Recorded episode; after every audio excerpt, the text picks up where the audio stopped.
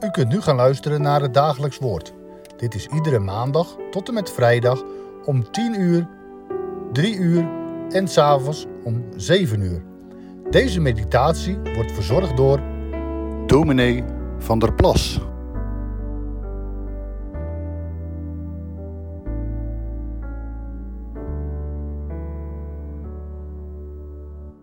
Hartelijk welkom bij Dagelijks Woord. We lezen vandaag Psalm 54, een onderwijzing van David voor de koorleider bij snarenspel.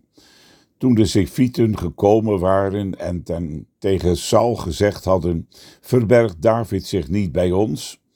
O God, verlos mij door uw naam. Verschaf mij recht door uw macht. O God, luister naar mijn gebed. Neem de woorden van mijn mond ter oren. Want vreemden staan tegen mij op. Geweldplegers staan mij naar het leven. Zij houden God niet voor ogen. Zie, God is mijn helper.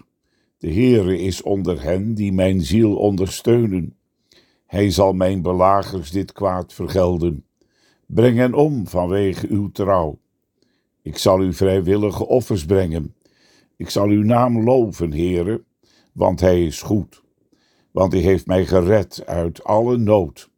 Mijn oog heeft de val van mijn vijanden gezien. In de nood leer je je vrienden kennen, zegt het spreekwoord. Trouw moet blijken, zegt een ander spreekwoord. Die twee hebben met elkaar te maken.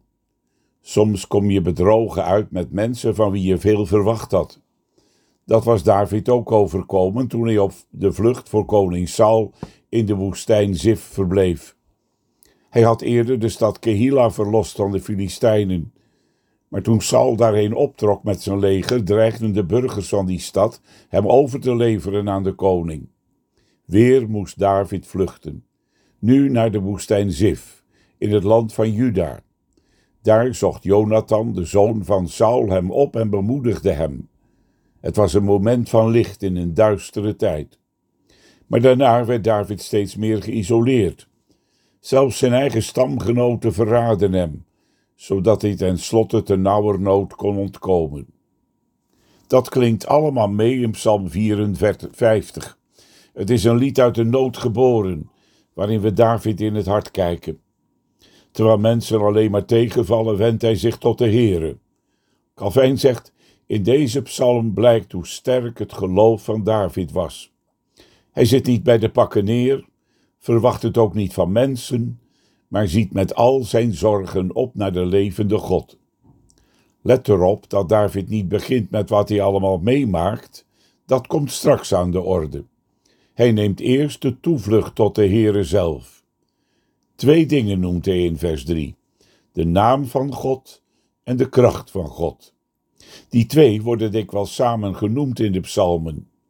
De naam van de Heere zegt wie hij is. Ik ben die ik ben. Ik zal zijn die ik zijn zal. Daar ligt alles in besloten. Die naam zegt niet alleen wie hij is, maar ook wat hij doet voor ieder die op hem hoopt. Geen wonder dat dit telkens in de Bijbel terugkomt. De naam van de Heere zegt, de, de Bijbel is als een sterke toren. Daarheen kun je de toevlucht nemen met alles wat er is in je leven. Dat kan ons hart raken wanneer de Heere ons zo tegemoet komt. Zijn naam wekt hoop in ons hart en geeft nieuwe kracht. Hij is erbij in de zorgen van ons leven, in onze ziekte of in ons verdriet. Wat we aan niemand kwijt kunnen, mogen we aan Hem vertellen. Wat we bij niemand kunnen vinden, wil Hij ons schenken. Daarom bidt David ook om de kracht van God. Hij weet dat de Heere alle macht heeft in hemel en op aarde. Hij is een God van verlossing. Dat heeft hij bovenal getoond door zijn eigen zoon te geven als verlosser van zondaren. Zo wijst de tekst ons ook heen naar de Heere Jezus Christus. Hij is de enige naam die gegeven is om zalig te worden. En wie leeft uit de kracht van zijn genade, herkent wat de psalm zegt, ze zullen in uw naam zich al de dag verblijden. Zo bidt David om verlossing. Tegelijk bidt hij ook om recht. Hij voelt de pijn van alles wat hem wordt aangedaan. Hij weet dat alleen de Heere de macht heeft om hem recht te doen. Hij is immers de rechter van de hele aarde. Precies zo mogen wij de nood van ons leven en van de hele wereld aan God voorleggen. We voelen ons soms machteloos als we zien wat er in de wereld gebeurt. Het onrecht schijnt te zegevieren. Maar de Heer in de hemel zal eenmaal alle dingen rechtzetten. Hij doet dat ook nu al, soms op ongedachte manier. Ieder die gelooft weet ervan, hoe de Heer soms onverwachts door alle dingen heen zijn rechte sporen trekt. Daarom bidt David, luister naar mijn gebed, neem de woorden van mijn mond ter oren. Hij klampt zich aan de Heere vast, zoals een kind dat doet bij zijn vader wanneer er gevaar dreigt. Vreemden staan tegen mij op, geweldhebbers staan mij naar het leven. De Zefieten, zijn eigen stamgenoten, keren zich van hem af alsof ze vreemden voor hem zijn. Eigenlijk zijn ze dat ook wel. Ze horen wel bij Juda, maar ze hebben de Heere, de God van Israël, niet voor ogen. Daar ervaart David wat we zomaar in ons geloof kunnen meemaken. Wanneer we de Heer Jezus Christus op zijn weg willen volgen, krijgen we met tegenstand te maken. Zelfs je eigen huisgenoten kunnen je vijanden worden, zegt de Heer Jezus. Dan komt het erop aan om niet diezelfde weg van geweld te gaan als zij, maar in liefde een andere weg te zoeken. Heb uw vijanden lief, zegt de Heer Jezus. David kijkt omhoog. Waar zijn vijanden aan de Heere voorbij gaan, beleidt hij, zie, God is mijn helper. Hij houdt de Heere wel voor ogen, want hij weet dat zijn hulp alleen van boven komen moet. Dan ziet hij de vijandschap van de mensen om zich heen, en hij ziet dat alles te maken heeft met hun leven zonder God. Ze verzetten zich tegen zijn gezalfde en daarmee ten diepste van tegen de Heere zelf. Wanneer we daaraan denken, krijgt veel van wat we vandaag in onze wereld zien gebeuren een heel eigen betekenis. We merken dat er verzet is tegen wat de Bijbel ons leert. Wat daar zonde heet, wordt in onze tijd door velen gepropageerd. Er worden vragen gesteld bij christelijk onderwijs. Mensen willen hun eigen leven in eigen hand nemen. Het hoeft ons niet te verbazen dat dan ook Israël het oude volk van Gods verbond onder vuur ligt. Alles richt zich tegen Christus, de zaligmaker. Misschien bent u ook wel verzorgd over dat wanneer we merken dat ons land steeds verder afdwaalt van God en zijn dienst. Hoe zal dat in de toekomst gaan met de volgende generaties? David zegt er is een helper, groot van kracht en is steeds bereid.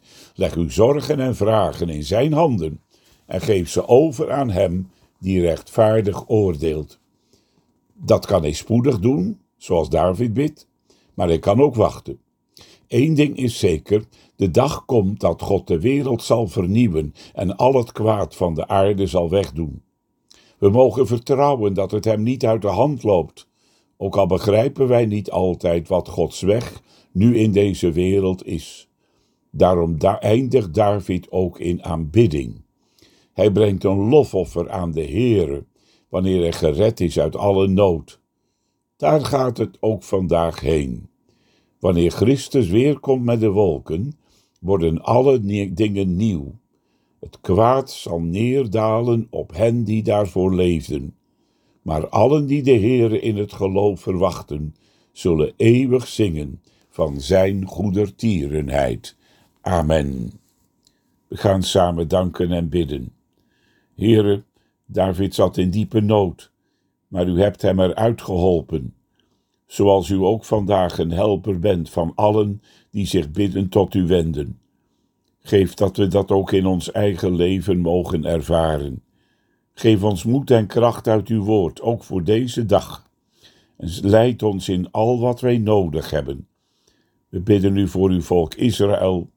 We bidden voor al de volken daaromheen we bidden voor al de nood in deze wereld, de bittere ellende van mensen in de Oekraïne en andere plaatsen.